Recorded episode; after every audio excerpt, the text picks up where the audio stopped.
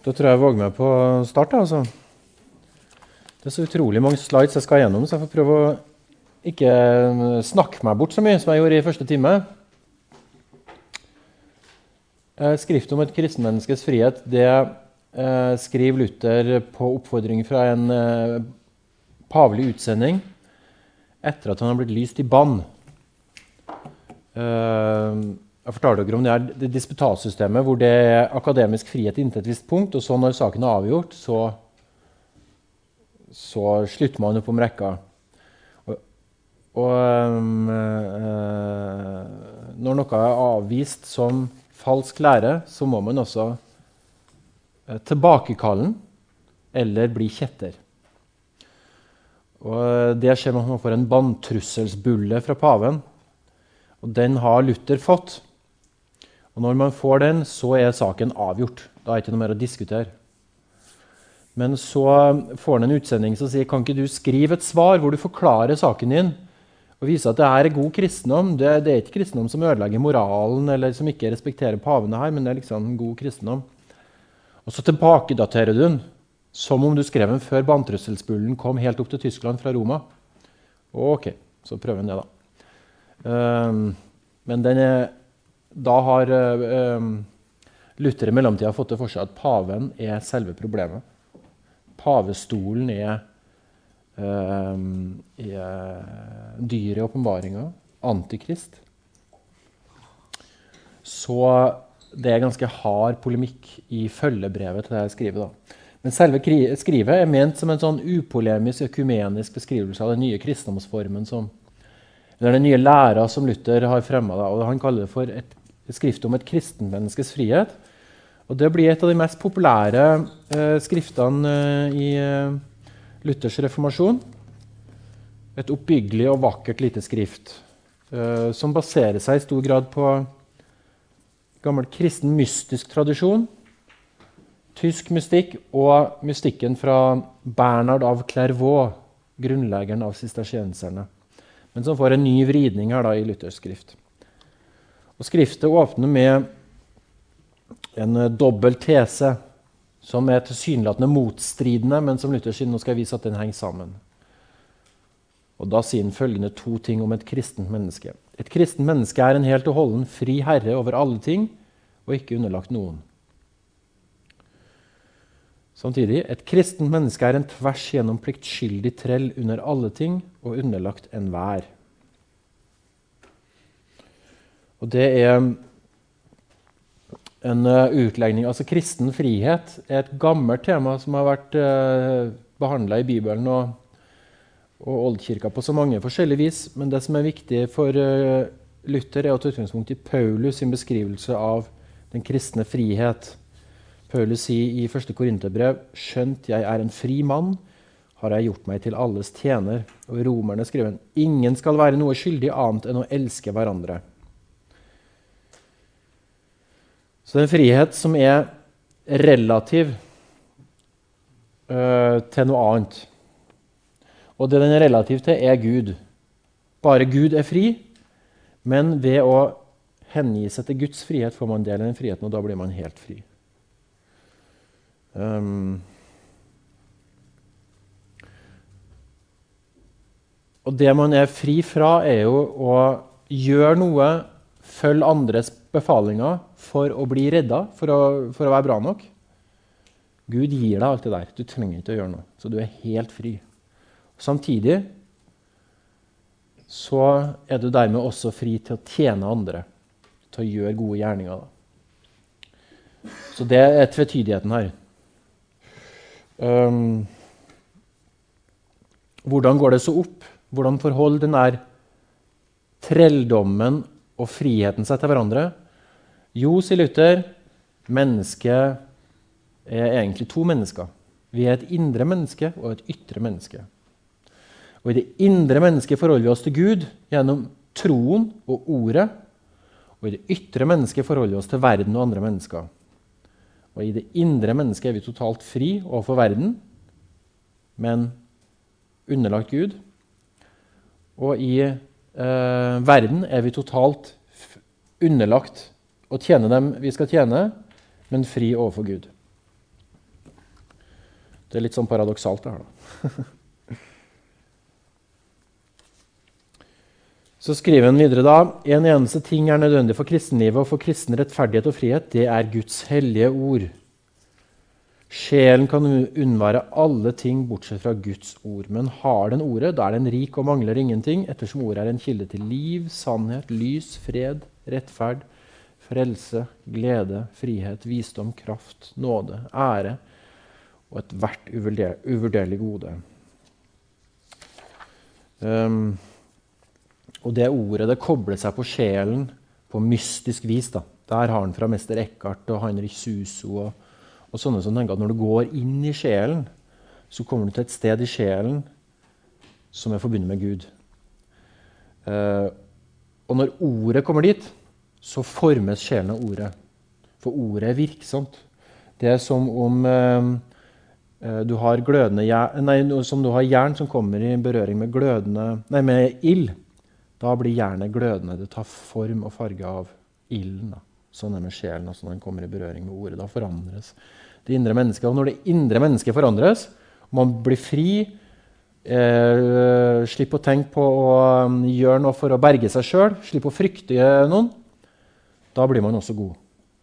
Så da forandres det ytre mennesket. Forandringa skjer innenfra. Og det er jo, det skal vi snakke om når vi kommer til jesuittene, men Ignatius, som er samtidig med Luther, han sier hvis du skal forandre sjelen, så må du gå via kroppen. Du må gjøre øvelser som preger sjelen. Her er motsatt. Går, ordet går rett på sjelen, og så forandres kroppen. Og du, du bruker ikke noe annen disiplin enn å la ordet virke på deg. Uh, ja. Så alt det man gjør med kroppen, uh, det endrer ikke på sjelen. Tilsvarende er det ikke til noen nytte om kroppen smykkes med hellige klær eller, eller hellig skikk, om den ferdes på hellige steder, om den sysselsettes i hellig tjeneste, om den ber, faster eller avholder seg fra visse sorter mat, eller all en gjerning som gjøres kan med kroppen og i kroppen. Så Det forandrer ikke sjelen. Det eneste som forandrer sjelen, er ordet. Og alt det han avviser her, det er jo middelalderfromheten. Det er jo pilegrimsreiser, faste, eh, kirkelige klær, eller geistlige klær osv. osv. Det, det, det hjelper ikke noe på sjelen. Det er bare ordet som hjelper deg. For det indre mennesket som kommer først, og det ytre mennesket følger. Men dermed så gjelder jo det andre eh, også. At alt det man da kan gjøre med kroppen, det er heller ikke til skade for sjelen. På den andre side vil jeg ikke skade sjelen om kroppen blir iført verdslige klær, om den ferdes på verdslige steder, om den spiser og drikker som vanlig, om en ikke ber høylytt, og ellers lar alt det være som er nevnt ovenfor, det som hyklere kan gjøre. Så om du spiser i fastetida, spiller ingen rolle. Derfor må jo eh, enkelte biskoper som eh, som opererer i områder nært lutherske områder, de blir nødt til å tillate eh, folkene sine å spise kjøtt i fastetida. For hvis ikke så rømmer de til lutherske områder. Fordi så kraftfullt er det.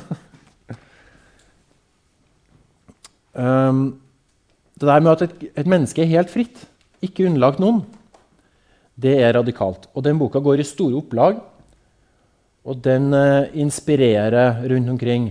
Dette er på den tida når, når Luthers eh, popularitet kanskje er aller størst. Og Noen av det som blir inspirert, det er eh, de livegne bøndene, underklassen. I Tyskland så var det sånn at eh, eh, du hadde noen få som eide jord. Og så hadde mange som jobba på den jorda, men ikke eide den. De livegne. Problemet var at de heller ikke eide seg sjøl. Så de eide seg sjøl til en viss grad, men um, hvis en bonde skulle, han kunne ikke bestemme hva han ville selge varene sine for, fordi det han produserte, det var det jordeieren som eide. Så han fikk bare en liten bit til sin egen, overlevelse. Hvis han skulle gifte seg, så måtte han få jordeierens tillatelse for hvem han skulle gifte seg med, og det måtte være noe på jordeierens eiendom. Hvis ikke kunne jordeieren være nødt til å betale medgift, eller han kunne risikere at eh, bonden flytta og dermed mista han verdifull arbeidskraft. Og når øh, øh, bonden døde, så var det en ting at han, ikke, at han ikke kunne gi huset sitt og jorda si i arv til sine etterkommere. Men han kunne heller ikke gi løsøre.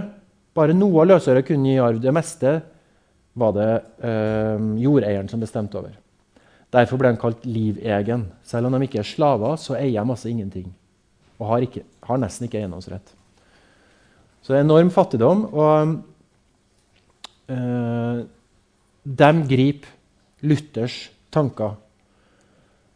Og øh, ser det der med å ikke skille mellom altså Husk på, Kirka er jo en stor stor jordeier, og kirka er alliert med adelskapet, altså de som eier jord. Bøndene ser retten til å selv bestemme hvem som skal være prest, til å bestemme hvor mye vi skal betale til, eh, til prestene, og retten til å bestemme over oss sjøl, til å være fri. Den er helt genial, og den finner vi her. Husk på, alle sånne Moral- og rettssystem på en tid her er jo til dels begrunna teologisk. Og da å få en annen teologi det er også å få en annen begrunnelse for hva som er rett og galt, hva som er godt og ondt. Og Den griper det til seg, og mange øh, bønder begynner å forkynne, og en del teologer og prester øh, øh, gjør felles sak med bøndene og forkynner for dem. og det, De slår seg sammen, de kaller sine egne prester. De kommer med en del krav. da. Her er fra, også Bondeopprøret det, det strekker seg fra sør i Tyskland til langt opp i midten av Tyskland, langs skogområdene i midten der. Og Spesielt i sør er, er det store bondebefolkninger eh, hvor det er mange som eh, bor på små eiendommer. Så fattigdommen er den største. Eh, så i sør er bondeopprøret sterkest. Og det sprer seg helt opp til Saksen, hvor Luther bor. da. Um, her er fra Østerrike, når adelskapet til slutt bestemmer seg for å slå ned bondeopprøret. og Eh, drepe dem og slakte dem. De er jo overlegent bedre militært utstyrt. Men vi skal se litt på hvordan de tar tak i, i eh, Skriftet om den kristne frihet. De henviser på en måte til Skriftet om den kristne frihet mange steder. Um, og De krever altså rett til å kalle sin egen prest. De krever rett til å få jakte og fiske på utmark, altså fellesområder. Uh, de krever um, bedre regler i forhold til arv. Og så har de en tese som er mer prinsipiell. Den tredje av bondeopprørernes tolv teser. Der står det inntil nå har det vært vanlig å anse oss for livegne. Men vi krever barmhjertighet, siden Kristus har forløst oss alle med sitt dyrebare blod. Hyrder så vel som de høyeste blant oss, ingen unntatt. Derfor er det gitt med Skriften at vi er frie og skal være frie. Henvisning til den kristne frihet. Um, og Luther da, han eh, er enig med de fleste tesene. Han synes ja, det er vel og bra at de skal få jaktretter. Retten til å kalle prester det støtter den høres fornuftig ut. Også retten til å være med å bestemme hvor stor kirkeskatten skal være. Men tese tre, derimot, hvor man begrunner ens frihet med henvisning til Bibelen, den har Luther et problem med. Så jeg svarer nokså mildt, men han går inn på akkurat det punktet og så sier han dere hevder at ingen skal være livegne fordi Kristus har befridd oss alle. Hva betyr det? Det betyr å gjøre den kristne frihet til et kjødelig anliggende. Denne artikkel vil gjøre alle mennesker like og omforme Kristi åndelige rike til et verdslig. Et verdslig ytre rike, noe som er umulig, siden verdslige riker ikke kan eksistere uten ulikhet mellom mennesker. Så der avviser en rett og slett um, uh, bøndenes begrunnelse. Det som er pussig, er jo altså For Luther så er den friheten noe som gjelder indre mennesket, ikke sant, og ikke det ytre mennesket. Men den måten de skriver om, om uh, et menneskes frihet som noe som hviler ved personen som person, det er en nesten lik formulering som det som dukker opp i, uh, i menneskerettserklæringa i, i Paris i 1789. Så det, det er en sånn foregripelse her. da. Luther avviste dem. eh, nokså mildt og, og, forsiktig, men etter hvert så eh, Når han merker at de, eh, at eh, de, plyndrer og angriper byer og kaos truer, da, så vender han seg mot dem med ekstremt harde ord og ber adelen slå dem ned som morderiske røverbander og ikke spare noen. Og da, da gjør eh, adelen det. Eh, og dermed skjer det to ting. Det ene er jo at Luthers religion og kirke overlever fordi den får adelens beskyttelse og inngår allianse med det bestående system. Det andre som skjer, er jo at Luther mister oppslutning fra humanistkretser, fra de radikale kretsene. Han er ikke lenger den populære frihetshelten som han var frem til 1525, når bondeopprøret slås ned. Da. Og selv går det så hardt innpå han at han aldri blir den samme energiske fyren igjen. Um, men for han var det en helt sånn superviktig sak, så han er helt sikker på at han gjorde rett. da.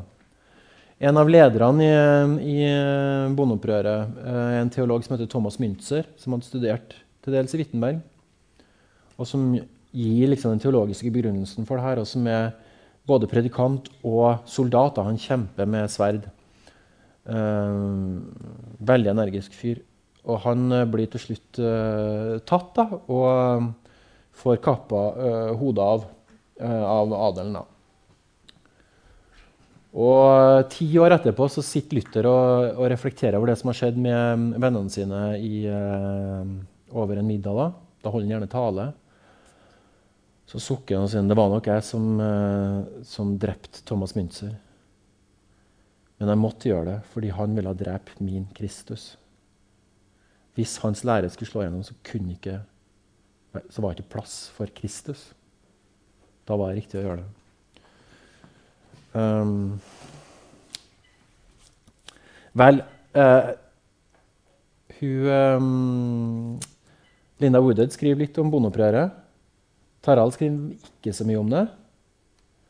Uh, jeg tror Peter Marshall skriver litt om det. Men jeg synes det er ganske interessant, fordi det setter litt på spissen hva, hva er liksom forholdet mellom uh, teologi og politikk, frihet Hva slags frihet er det egentlig snakk om? Så Derfor så dveler vi litt ved det.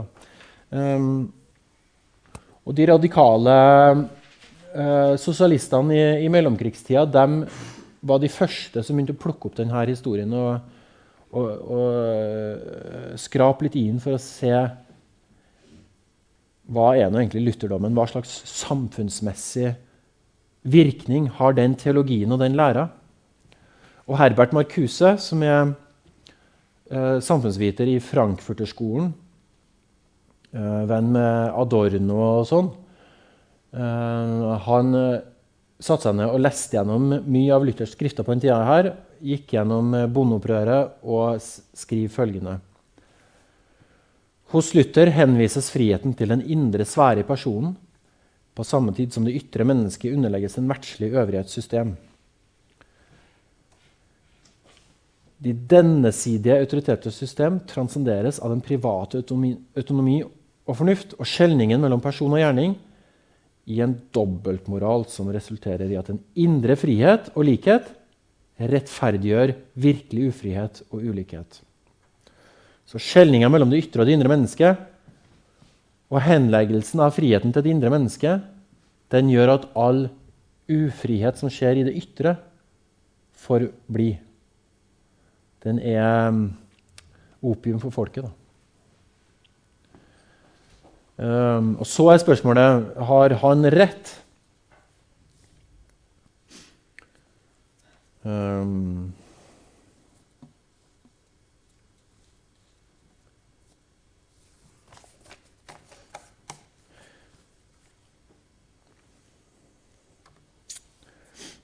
Vel, så finnes det teologer som har prøvd å svare på Herbert Marcuse. da.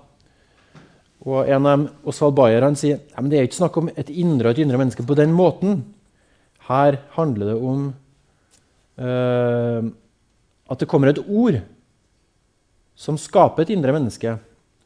Um, det at man forholder seg til noe ytre, som er et ord, det kan man bare gjøre hvis det finnes noe annet enn det som har med de fysiske maktforholdene å gjøre i verden. Og bare det kan gi en, et, et, frihetsøyeblikk i forhold til de fysiske maktforholdene i verden. Det er en som heter Oswald Bayer, som skriver om det. da. Vel, hva slags frihet er det nå egentlig Luther driver på med? Er det en frihet som ikke forholder seg til det ytre, eller har det noe med det ytre å gjøre? Er det en skinnfrihet, eller er det en virkelig frihet? Og Da tenkte jeg vi skulle ta en liten et lite hopp tilbake. Altså Bondekrigen er, i, er fra 1524 omtrent til 1525. Mens eh, eh, Skriftet om kristne frihet er fra 1520. 1521 da er han lyst i bann for godt. Og Så innkalles han til riksdagen for å møte keiseren. Det er veldig uvanlig at en munk og akademiker får lov å møte keiseren og legge frem sin sak. Men det er takket være Fredrik den vise så får han tvunget fram et møte med keiseren for å um, legge frem saken før Luther blir Han er allerede lyst i bann, men paven har ikke verdslig myndighet til å, til å straffe noen. Han, han kan, paven kan ikke henrette noen. Det kan derimot en verdslig myndighet gjøre. Så når paven lyser noen i bann, så er den verdslige myndighet forplikta til å lyse noen i akt, i riksakt. Det betyr at de da blir fritt vilt eller at de skal få kjetterstraff, som er døden. Eh, før han kommer så langt, så får han lov å legge frem sin sak direkte for keiseren. Og det skal da skje i Worms, eh, en liten by som eh, den i noen dager blir proppfull av de fremste adelsfolk og, og herskere i, eh, i det tysk-romerske riket. Og keiser eh, Karl 5., som er ung, og som vil samle Europa til ett kristent rike igjen. Et, et modernisert, enhetlig rike. Han eh, er, kaster glans over og skal være der i to dager. Uh, så får Luther lov å komme frem. Og første dag skal vi se, første dag Luther um, kommer der, så er han litt sånn stotrende og mumlete, og, sånn, og alle tenker nei, det var jo keiseren som kan best hva som skal til for å for å eh, fremme den sanne kristenhet. Det moderne, eh, fremadskuende, eh, progressive rike. Men Luther får lov å komme og legge frem sin sak en gang til. Og Da blir han spurt ja, står det noe fast på det her. At paven ikke har autoritet, og at Bibelen er alene og, og sånt. Og da svarer Luther så Hvorvidt Luther frykter å bli drept nå, det er, jeg litt uenighet om. Men hvis han blir lyst i riksakt, så er det altså sånn at han skal pågripes umiddelbart, og dommen skal iverksettes. Og Det finnes rapporter som sier at Luther var sikker på at han ikke kom til å komme tilbake fra Worms. Han frykta at dette var det siste han gjorde. Um, og I ettertid så sier han det er det stolteste øyeblikket i livet når jeg våga å si det her, selv om jeg visste at det var håpløst. Så det er ekspressive, modige, liksom. Så er det noen som sier nei, Fredrik den vise og keiseren hadde inngått en hemmelig avtale som sikra Luther fritt leide ut av, eh, av Worms. da. Det var satt opp noen dører i, i bymuren, og noen skulle være der og, og snike den ut. og sånn. Så Der er litt uenighet, men at det er veldig høy spenning her, det er helt opplagt. Vel, andre dagen så er det altså Luther kommer til seg og klarer å si det han øh, står for. Og det er når han blir bedt om å tilbakekalle sin lære, så sier han overvunnet av de bibelsteder jeg har sitert, og med samvittigheten fanget av Guds ord, verken kan eller vil jeg tilbakekalle, for det å handle mot samvittigheten er usikkert, usunt og farlig. Gud hjelp meg. Amen.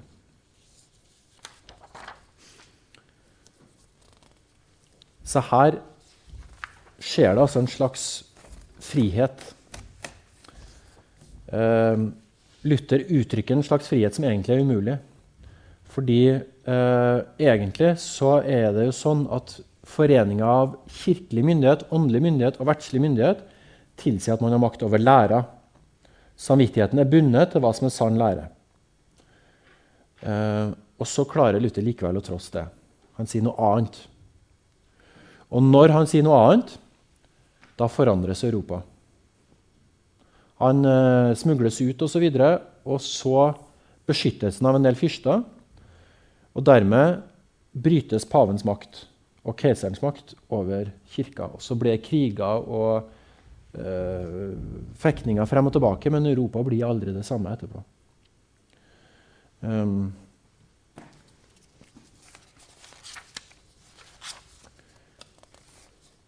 skal vi se Jeg tror jeg har et sitat fra, fra Linda Woode der. Nei. Det er ikke sånn at man kan se kommentarene samtidig. Kan man det? Nei.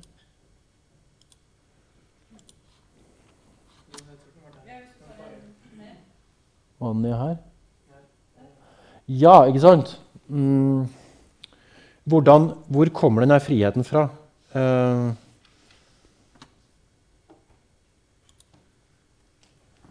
Som dere så Da vi starta med avlaten, så er det jo sånn at um, kosmologien i senmiddelalderen og tidlig nytid er sånn at vi lever altså Man dør nokså tidlig, og man dør på uventa tidspunkt.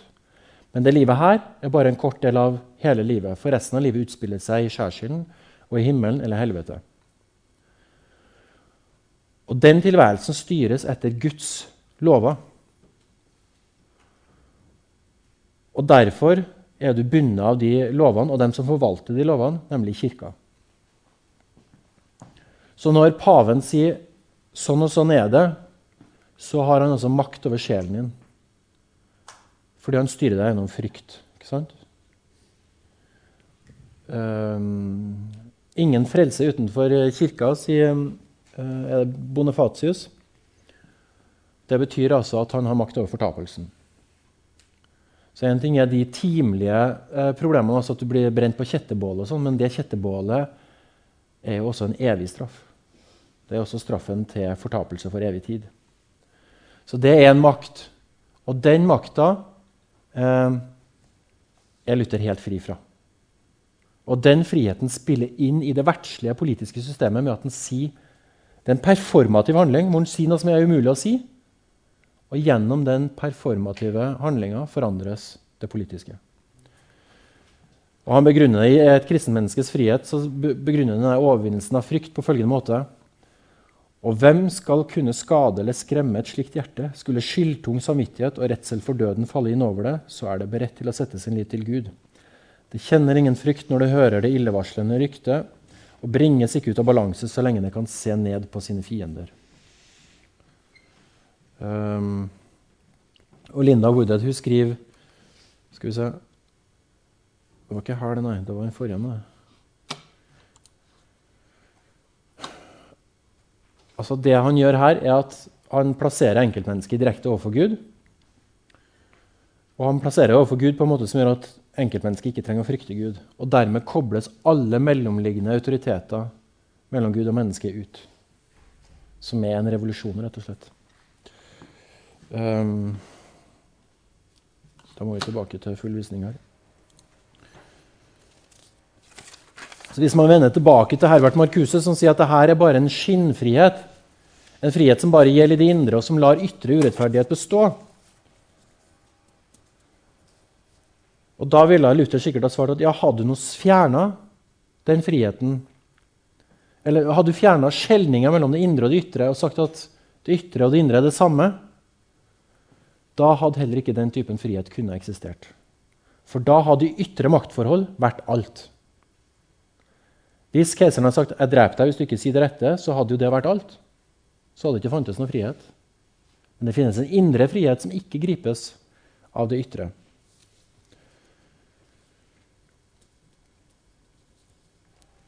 Og Dermed er det den skjelninga som gjør at man ikke er underlagt bare det ytre menneskets lovmessighet, men det finnes sånne glimt da, som kan komme inn i verden på forunderlig måte. Og dersom sosial forandring hadde vært alt, da ville man i den betydning vært ufri, vil Luther ha sagt. Um, og så ville han også ha sagt det motsatte, nemlig at siden det nå er sånn at verden aldri vil bli rettferdig, og menneskene aldri vil bli helt like, så hadde vi heller ikke kunnet hatt plass for en Jesus som forkynner likhet og frihet. Hvis alt smelter sammen til ett, ett rom, da. Ja Det var litt om Frihetsskriftet. Nå skal jeg si litt oppsummerende om teologien i forlengelsen av det. Um,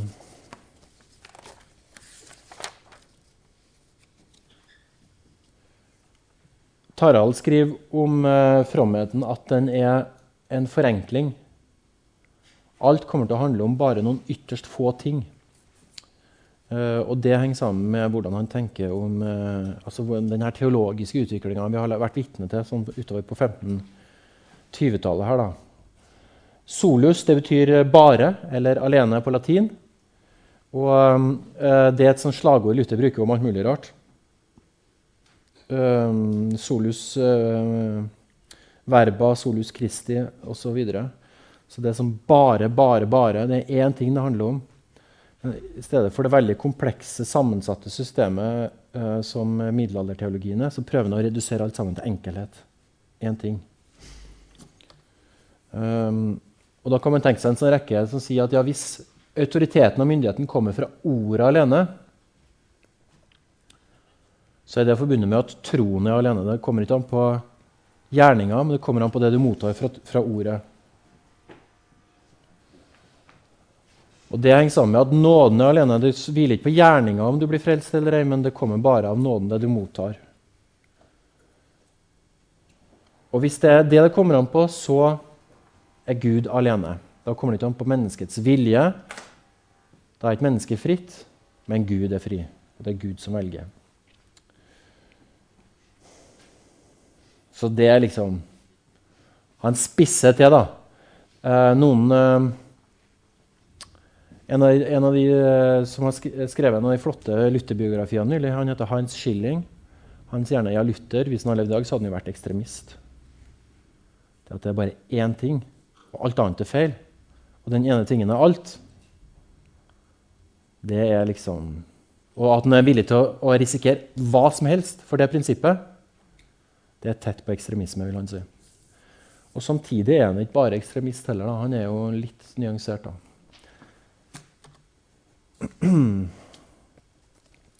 Synet på Bibelen så sier han um, Skriften har bare én mening. Um, Augustin eh, mente at um, Skriften har to meninger. Den bokstavelige og den åndelige. Så kommer det etter hvert en variant av den uh, skriftforståelsen som sier at Skriften har fire meninger.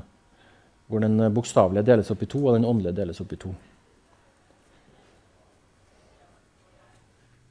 Skriften har en bokstavelig mening som er, um, som er motsigende. Gud er både slem og snill i Bibelen. egentlig og han sier litt forskjellige ting. Men hvis man ser på en åndelig mening, så ser man at egentlig er Gud kjærlighet. Men for å nå den åndelige mening så må du være fylt av Den hellige ånd, og du må ha den rette fortolkningskompetanse. Du må se helheten. Og da blir, sier Bibelen bare én ting. Det Augustin gjør da, er at han underlegger ordet under fortolkningsmyndigheten. Til slutt blir det paven. ikke sant? Det Kirka bestemmer at Skriften betyr, det betyr den. Problemet er jo når Luther da mener nei. Autoritetene har feil. Hva skal han da bruke? Jo, han sier han har feil fordi ordet sier noe annet. Ja, Hvordan vet du at ordet sier noe annet? Det må fortolkes. Nei, fordi ordet har én mening. Det finnes bare en bokstavelig mening. Ja, Du kan gjerne kalle det en åndelig mening, men hvordan kommer du så til den åndelige mening? Jo, du kommer dit via å utlegge den bokstavelige mening, altså ved å jobbe med filologien. Derfor er en åndelig mening egentlig en bokstavelig mening. Og Hvis du mot formodning så kom til at Skriften har en åndelig mening som er motsatt av en bokstavelig mening, så vil den bokstavelige mening vinne, fordi den er håndfast og konkret og kan etterprøves vitenskapelig. Så finnes bare en bokstavelig mening. Sin.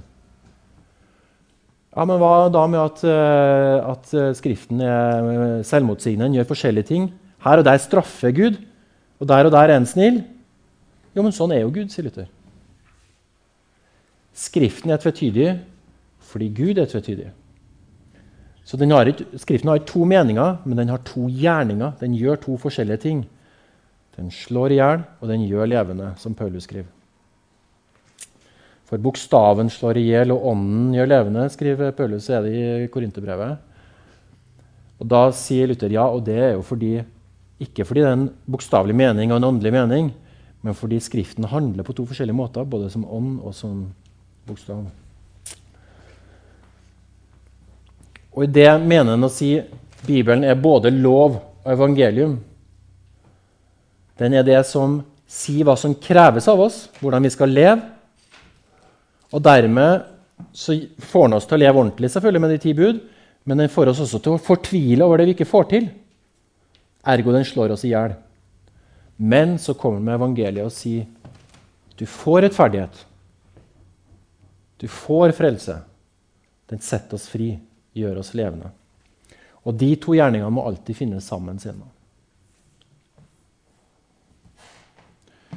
Og um, så sier han også, Det står jo vel i Kolossebrevet der med at uh, Christ, den oppstandende Kristus er claritas scriptura. Det betyr Skriftens klarhet eller Skriftens lys. Så det finnes noe i den bokstavelige mening som viser hvordan Skriften er å fortolke, som ikke kommer av fortolkningskompetansen, men som ligger der selv. Og den sier at uh, her er det en fortelling som sender lys ut til alt det andre som står i Bibelen. Og det er lyset fra oppstandelsen. Ja, så sånn er det. Uh, og troen, heng, troen alene, det at man blir frelst ved tro og ved nåde, det henger sammen med at ordet å forstå bokstavelig. For hadde ordet vært avhengig av vår fortolkningsinnsats, så hadde ordet hvilt på en gjerning. Men siden det kommer til oss utenfra som et fast tegn som skaper tro, så er nåden alene. Og Derfor kan troen også være sikker, fordi den ikke hviler på vår vilje eller forstand, men på Gud. Gud velger oss, og han velger oss med å sende oss det ordet som skaper troen. Eh, og derfor, så når han krangler med eh, de store humanistene, den fremste humanisten i verdenshistorien, egentlig, Erasmus fra Rotterdam, han går i disputt med Luther og sier du, din lære sier at mennesket ikke har en fri vilje. Og det er jo selvmotsigende. Har ikke man en fri vilje, så finnes det ikke moral. Og da sier eh, Luther nei, overfor Gud har vi ikke fri vilje. Viljen er trellbundet. Ja, Hvordan går det an? Hva slags Gud er det? Gud er skjult. Vi kjenner ikke noe annet enn at han vil gi oss litt nåde. Det er ganske morsomt. Den er også i 1525, da. Eh, når eh, bondeopprøret er på sitt verste og, og, og um, avsluttes i vold. Da. Det året velger han også å gifte seg med eh, Katarina von Bora, en adelskvinne som er abbedisse eh, i et eh, nonnekloster. Da som jo er veldig radikalt, at en munk velger å gifte seg med en nonne. Og det gjør han akkurat det året han tror verden går under. Så da er, da er han kompromissløs.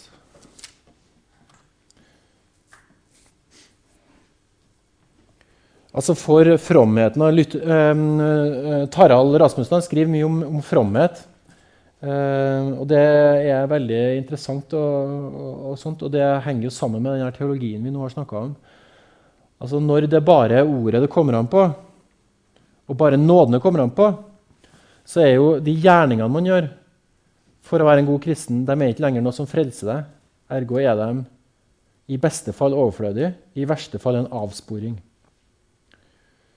Og noen radikale reformatorer de er så opptatt av at de, at de tar ut kirkekunsten og knuser den og tenner på den og nekter å ha den i, i kirkene, for de mener det blir en slags avgudsdyrkeri som får oss til å tro at frelsen går gjennom ting og gjerninger. Luther angriper billedstormerne, men han er også eh, skeptisk til helgendyrkelsen. Han tenker Det kan være gode fortellinger som minner oss om noe viktig, men det kan også være en uh, avsporing som uh, får oss til å tro at alt handler bare om oss selv.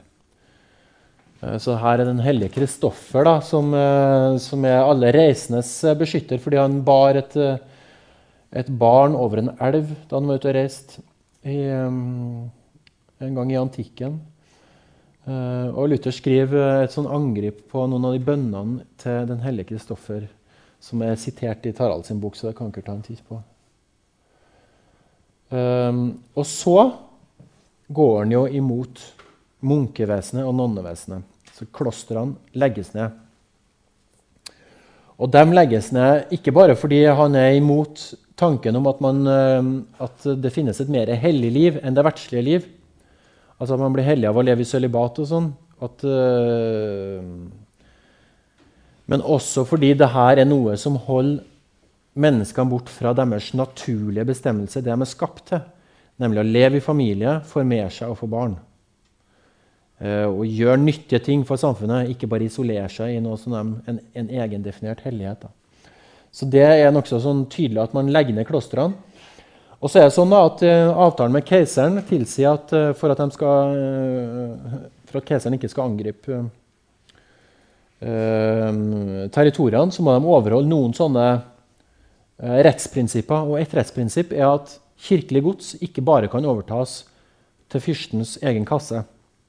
Så klostrene må drives til, til gode formål, først og fremst skoler og sykehus. Da. Så da blir de verdslige institusjoner, men drives til kirkelige formål, altså skole og sykehus.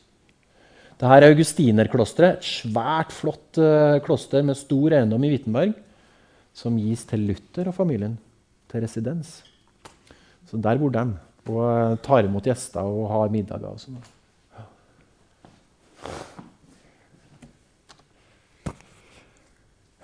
Um,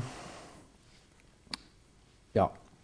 Ordet 'kall' den, eh, den lutherske kallsforståelsen det blir veldig viktig. Da. og den, altså sånn at Før så var um, det å bli kalt er at noen roper på deg, ikke sant? vil ha deg til å, å, komme et sted.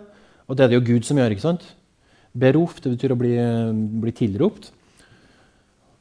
Og når Gud kaller noen, så kaller han dem til kirkelig tjeneste. Han kaller det til klosteret, sånn som når eh, Luther gikk inn i klosteret i sin tid. Men Luther snur om på det og sier alle mennesker er kalt, og de er kalt til den verdslige tjeneste. Så hvis du er baker, så er det Guds kall. Fordi Gud skaper eh, Gud holder oss oppe gjennom skaperverket. Ikke bare ved å la det vokse korn opp av jorda, men ved å la bakerens hender tjene det å lage brød, så eh, Guds folk blir ernært. Så det er det verdslige kallet. Så det hellige det finnes i et sånt sted som ikke kan lokaliseres så godt, som er mer flytende, og som er, som er en enhetlig ting, nemlig ordet og troen. Og Ordet eh, skaper troen, og ordet er eh, fysisk. ikke sant? Det er det bokstavelige ordet, men det er også det ordet som er til stede i sakramentet, da, nemlig nattverden og dåpen. Um, så det finnes der. Og så til gjengjeld så oppvurderes det verdslige liv. Det finnes ikke noe mer hellig og fromt enn å leve et verdslig liv. Så for en dame er det mer fromt og hellig å være mor enn å være nonne. Eh, og for en mann er det mer hellig og fromt å være baker enn å være munk. Det er veldig radikalt, fordi husk på eh, Den geistlige og munke- og, og eh, nonnesamfunnet var jo de helligste. De som var liksom den øverste religiøse elite frem til da. Og så avviser han skillet mellom lek og geistlig stand. Så de som er prester nå, de er det i kraft av sin lærdom, ikke i kraft av sin ordinasjon.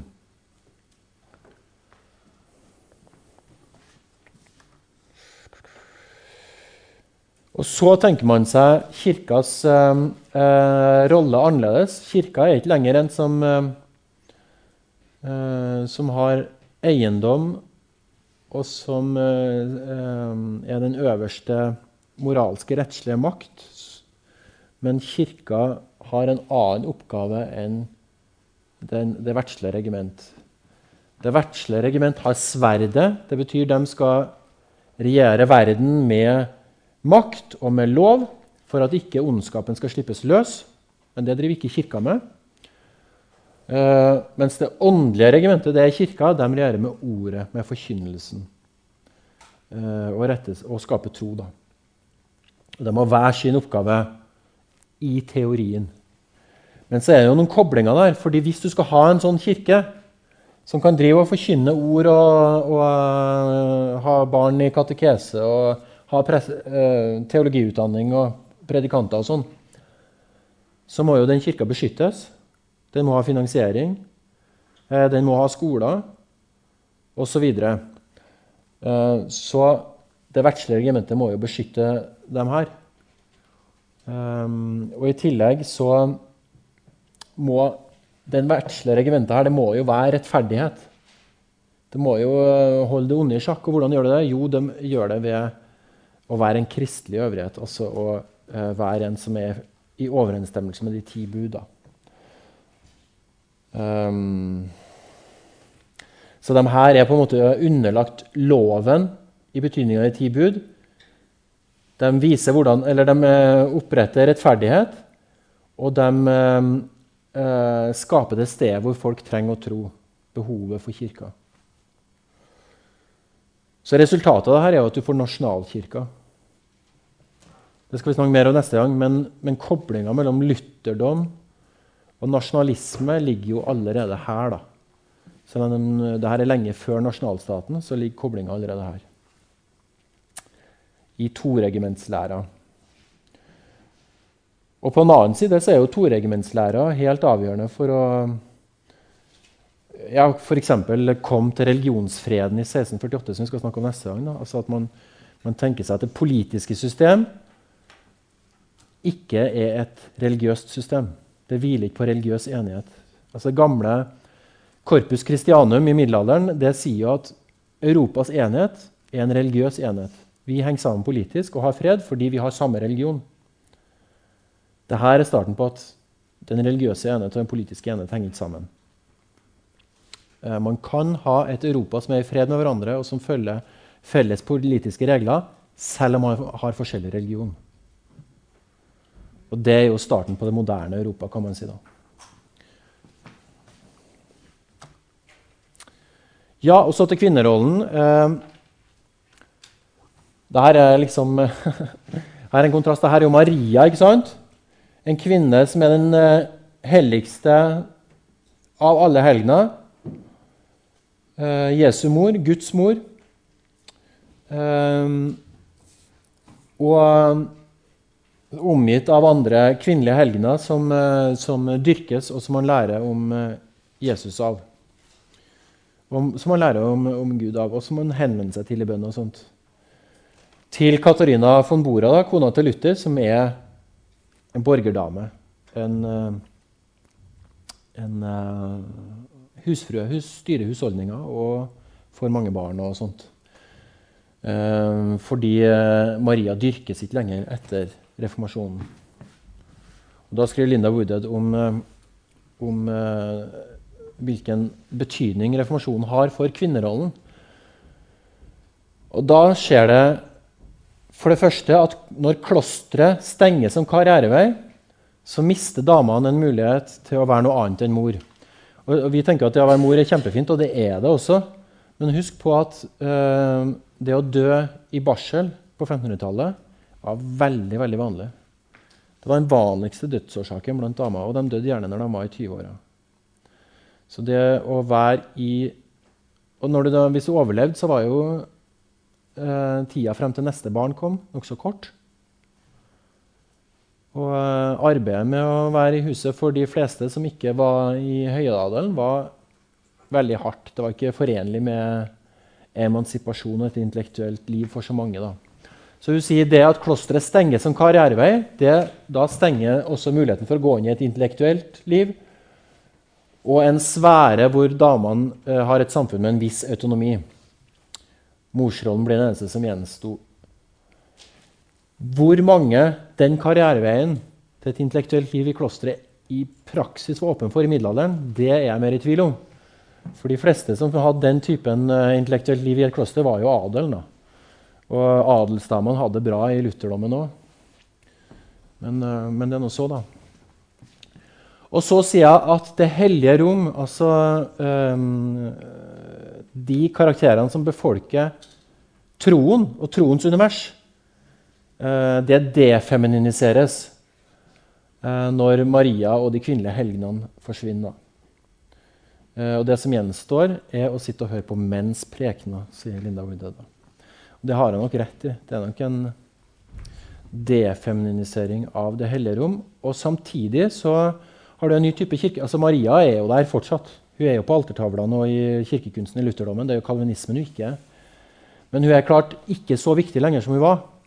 Og I tillegg så har du jo epitafiene, som er sånne malerier av fromme mennesker eh, som, eh, som, rike mennesker får lagd i kirkene etter at de, eh, til å minnes dem etter at de er døde. Der er det jo mange damer portrettert, men de er portrettert som gode mødre. da, Som fromme mødre. Um, så sier jeg, men en annen sånn styrking av kvinnerollen er jo at morsrollen får en ny verdighet. Det er liksom det helligste man kan være. Sikreste veien til frelse for en dame i lutherdommen det er å bli mor. Og I tillegg så får hun en sentral rolle i, eh, en sentral religiøs rolle som mor fordi familien er den viktigste menigheten. Eh, husfellesskapet er også en kirke hvor man lærer katekesen. Så skjelninga mellom, når skjelninga mellom lekfolk og geistlige forsvinner, så blir lekfolk i familien en slags geistlige som har en slags kirke. Det er veldig effektivt, for da sprer jo, sprer jo læra seg fort. Og i den eh, jobben får damene en viktig rolle. Da. Nå har jo damene alltid gjennom hele historien hatt en sentral rolle som de som står for en religiøs oppdragelse. Så jeg tror ikke det var så ulikt i katolisismen heller. Men Linda Woodhead mener at det er en endring. da.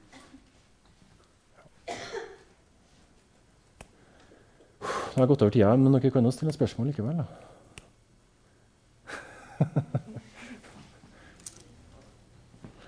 Så historieskriving er jo forenkling. da. Virkeligheten er jo alltid mye vanskeligere enn uh, enn den fremstår når man skal lage noen enkle slides eller skrive en liten tekst. Det fins alltid unntak fra de generelle tendensene man, uh, man uh, ser. Ja. Det der med bevegelsen ovenfra og nedenfra det skal vi se på neste gang når vi snakker om uh, protestantisme og konfesjonalisering. Så det er bare en teaser. Ja.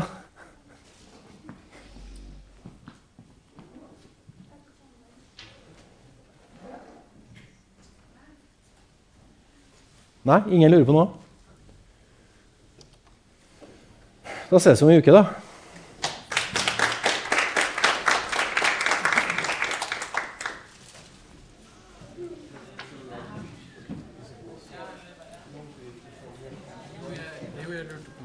Ja.